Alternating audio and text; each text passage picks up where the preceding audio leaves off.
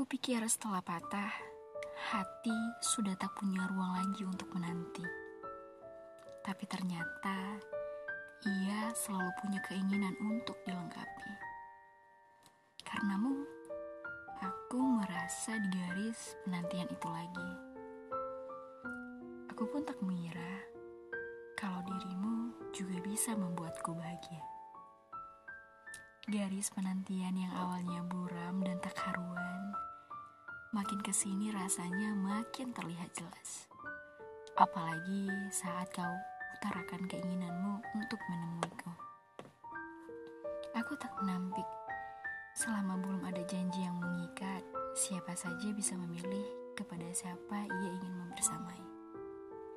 Kuizinkan dirimu datang di ruang tamuku dan akan aku bawa gelas berisi cerita diri dan mimpi yang sejak lama ingin kusuguhkan untuk kedatangan seseorang. Dan kebetulannya itu dirimu.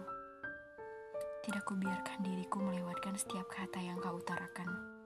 Barangkali ada sesuatu di sana yang bisa memperjelas garis penantianku. Aku pernah terbesit. Bagaimana jika suguhanku tak kau minati? Masihkah ada waktuku untuk membenahi suguhan itu?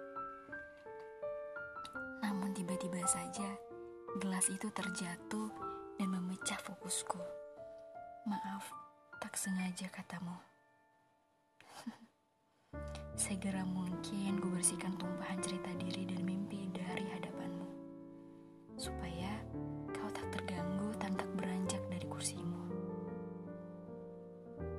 Aku ingin setiap untayan kalimatmu,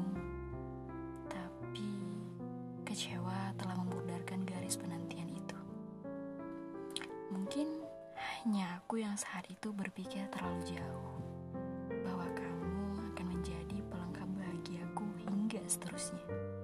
Sebab pasti banyak juga tuan rumah yang begitu menanti kehadiran orang sebaik kamu di ruang tamunya. Seperti halnya diriku. Jika ada hal yang hanya patut untuk dikenang, sudah pasti itu dirimu. Orang yang datangnya sangat kunantikan. Dirimu